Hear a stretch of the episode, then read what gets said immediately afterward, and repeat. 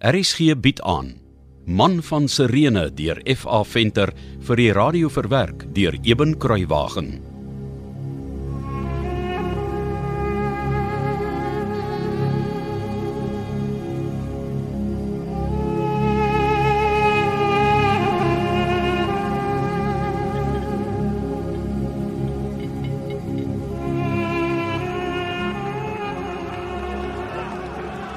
Het u gesien hoe 'n gevaarlike man hierdie Jesus van Galilea is? Nee, ek vind geen skuld in hierdie man nie. Ek het hom ondervra en ek het na hom geluister. Hy is bloot 'n yweraar met 'n nuwe ideaal. Hy glo hy is 'n koning oor 'n koninkryk van die siel, van die hart.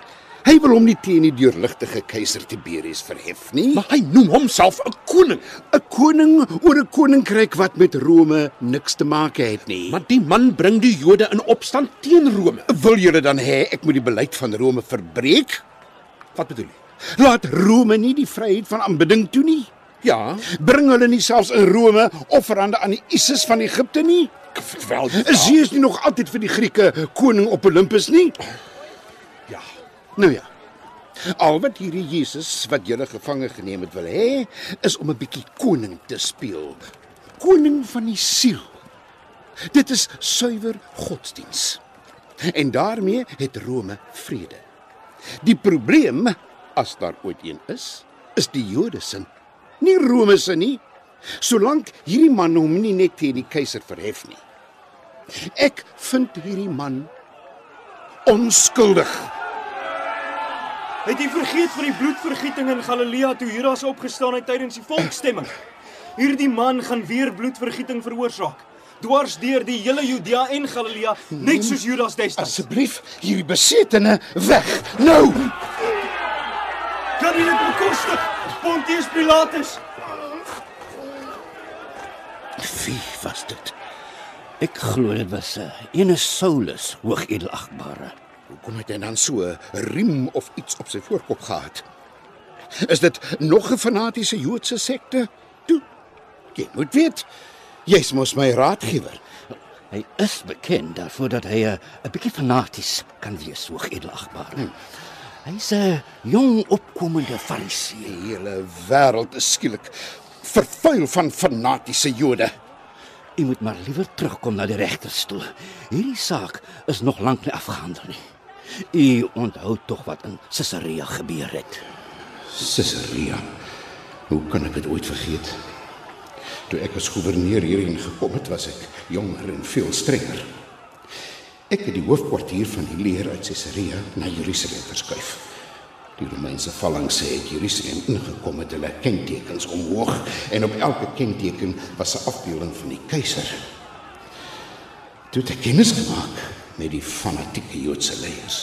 U verontreinig die heilige stad van Hy Israel. bring bloedvergieting oor ons uit Caesarea. U wou nie toegee aan die eise van die Joodse leiers nie. Selfs nie eers toe hulle te voet na Caesarea gegaan het om u te spreek nie. Ja, ek onthou. Hulle het 5 dae lank met my gerede toes tot ek die hele afvaardiging met die dood gedreig het. Ja, maar onthou wat het hulle toegedoen. Hulle het op die vloer gaan lê en hulle nekke ontbloot. Ek dink nie ek sal ooit die woorde vergeet wat die een geskreeu het nie. Ons sterf liewer as om ons stad te laat verontreinig. En wat moes u toe tog maar op die ou end doen? Kop gee en die hoofkwartier van die leer uit Jerusalem verwyder. Presies. En toe was daar die bloedvergieting met die rebellie wat daardie Judas skepsel in Galilea gelei het. Ja, ek onthou. En hierdie man wat u nou so graag wil vrylaat om die Joodse leiers te tart, preek ook in Galilea. Ek weet. My oorwoon mening, hoog edelagbare, is dat hierdie man nog gevaarliker kan wees as Judas. Dink jy regtig so? Hy lyk aan so so So hoe edelagbare skadeloos, sag, liefdevol. Nie vir jou nie. Dis juis vir so 'n man wat u versigtig moet wees. Ek eh, ek voel vasgekeer.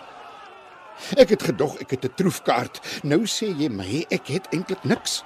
Dis korrek, hoogedelagbare. Ek ek het net brute mag. En mag ek u herinner, hoogedelagbare, dis hierdie selfde mense wat u destyds wel verneder het. Ek kan die Joodse leiers en hulle miserabele gevangene vernietig as ek wil. Wat gee ek tog om vir die bedremmelde Jood wat hier voor my staan? Ek Ja, goed, ek erken. Ek bewonder die man. Voel selfs 'n bietjie jammer vir hom. Oppas, u beweeg nou op baie gevaarlike terrein. Om die vyand te bewonder en te bejammer. Ek sal dit nie aanbeveel nie. Ja, ja, ja, ja, maar dis nie so eenvoudig nie. Ag, ek begeer 'n wit toga en koel stilte in die magnifieke suilegange van die Kapitool in Rome. Dis waar ek wil wees, nie in hierdie elendige woestyn kontry waar 'n klomp fanatici feitelik elke dag vir my nuwe strikke stel nie. Ek wil in die kalm vreewenheid van Rome beweeg. Nie in hierdie opstandige plek vasgekeer sit waar ek regeer, maar die gees van Israel eintlik baas is nie. Jy's daarom durf u nie met hierdie verhoor 'n fout begaan nie. So moet ek die Joodse leiers maar hulle sin gee.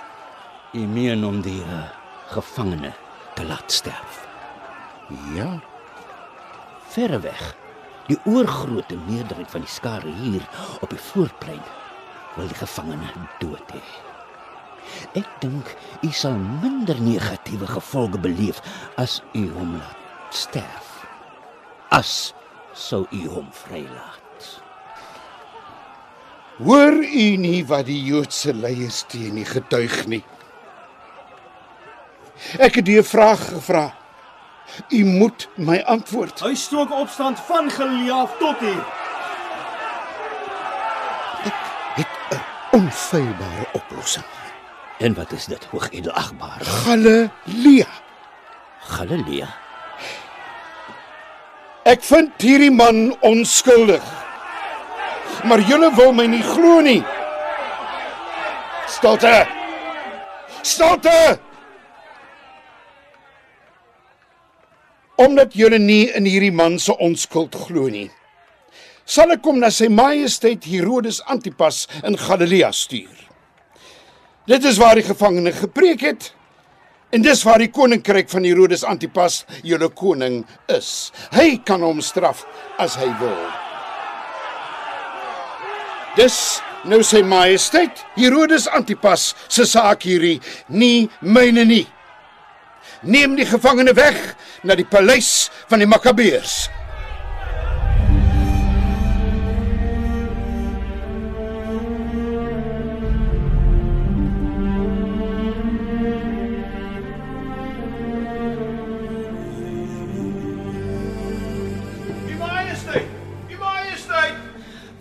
Nou weer Blastus? Ah, hier het sopas 'n belangrike boodskap aangekom. Wat 'n boodskap? Kan jy nie wag tot ek klaar geëet het nie? Uh, ek bevrees uh, uh, ek dink nie so nie. Nou wat is dit tog? Praat. Uh, dis 'n boodskap van uh, Pontius Pilatus. Ek tog jy sê dis 'n belangrike boodskap. Die Joodse leiers het Jesus van Nasaret gevange geneem en wou hy Pilatus hoogedelagbare Pontius Pilatus moet hom ter dood veroordeel. Die Jode kan tog so 'n ding oploop gaan. Maar hy sê hy vind geen skuld in die man nie. Ek, herhaal ek tog jy sê dis 'n belangrike boodskap. Uh, toe stuur hy die gevangene na u toe. Hy is op pad. Wat? Hoekom sê jy nie so nie? Ek moet ook altyd alles uit jou trek. Plus dis uh, help my op my liewe man. Ek het so lank vooruit dat die troon sal en kry my kroon reg. Is, is my toga nog skoon? Uh, dit lyk daarom so, u Ek het Majesteit. nêrens so rooi wyn of sous gemors nie. Uh, nee, u toga is nog silwer Nou skoon. toe, hardloop las dis ek kom. Ja, sê.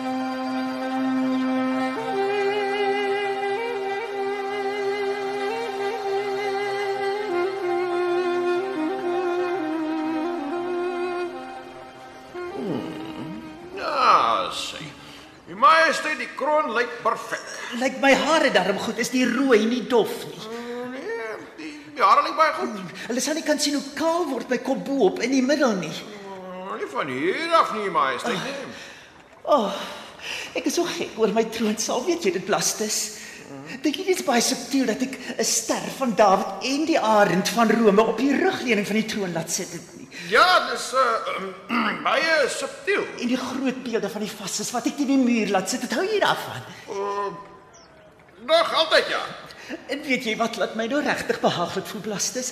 Die beeltenisse van Jupiter, Castor en Pollux wat ek teen die mure en die dak laat skilder. het. Maar my gunsteling, my absolute gunsteling is die skermutseling van Mars wat amper dat die hele oorkantste muur volmaak. Laat dit jou nie ook begeester voel nie. Uh, ja, u majesteit. Nou waar bly hierdie mense dan? Uh, ek is seker hulle sal nou enige oomblik hier wees. Jy weet, hulle kan nou wel daar in Rome sê ek is 'n basterjood. Maar ek is ontsaglik lief vir die Romeine, weet jy dit? Uh, u het dit al gesê ja. Ek hou van alles wat Romeins is. Ek is dol oor die gewoontes van Rome en ek is gek oor Latyn. Die lekkerste ding vir my is om te lê en eet soos die Romeine, weet jy? O, en ek bewonder hulle goeie hele dag. Nee, maar wie sê dit gereeld? Ja, u majesteit. Maar weet jy waarop is ek die meeste trots? Op die stad Tiberias, u majesteit, wat u spesiaal soos 'n Romeinse stad laat bou het. Dis reg, ek weet, ek weet. Maar van alles in Tiberias is daar absoluut niks soos my eie klein privaat arena waar die kwaaddoeners graag as straf met wilde diere laat worstel nie. Dis 'n groot pret. Ek eh, ek ek, ek hou nie so baie daarvan as die kwaaddoener so bloedstollend gil. Ag nee, Blastus, jy staan met te leer. Dis juist die pret. Blastus, kom staan hier by my. Ja, u majesteit. Hierdie was 'n reëner. Is hy nie dalk die doper nie? U majesteit. eh, Ek het gedink u het daardie vreemde idee al lankal uit u kop gesit. Ag jy weet. Ek gaan dit nou weer vir u sê. Johannes die Doper is dood. U het tog sy kop laat afkap om Salome en haar majesteit Herodias te behaal. Ja, ek weet ek het. Maar hy het nie dalk nie weer opgestaan nie. Jy moet weet hier in Israel het daar al baie vreemde dinge gebeur, baie vreemde dinge. Hierdie Nasarener is maar net 'n vriend van die Doper, niks meer nie. Ek hoor hy doen sulke interessante wonderwerke. Dis hoekom ek my besoeke aan Jerusalem altyd so baie geniet. Dis daar's altyd iets nuuts, altyd iets interessants. Ja, ek het ook gehoor die Nasarener doen sulke wonderwerke, u majesteit. Ek weet natuurlik nie waar alles is nie. Dink ek moet hom vra vir ons 'n demonstrasie van sy wonderwerke te gee. Midas die Griek verveel my nou al. Wat hy doen is lank nie meer snaaks nie. Hy's maar net 'n golaar, niks meer nie. En ek sal so moeg vir sangers, dansers en waarsêers. Dis nou tyd dat ons iets heeltemal nuuts hier aan die hof sien. En dis hoekom ek gedink het aan die Nasarener. Ek hy het glo man het die doodheid opgewek. Dink jy dis waar? Ek bedoel, is dit ooit hoegenaamd moontlik? Ehm ek weet eerlik nie, majesteit. Ehm hulle sê nou wel so, maar maar die Jode is baie bygelowig. Hulle sal omtrent enige ding glo. Blastus. Dink jy nie ons moet hierdie Nasarener vra om die doper vir ons op te wek nie? Man van Sirene deur F.A. Venter is vir die eerste keer in 1957 uitgegee en is in 2016 weer uitgegee deur Lux Verbi. Die produksie is tegnies hanteer deur Cassie Lauis en die verhaal word vir RSG verwerk deur Eben Kruiwagen onder spelleiding van Joni Combrink.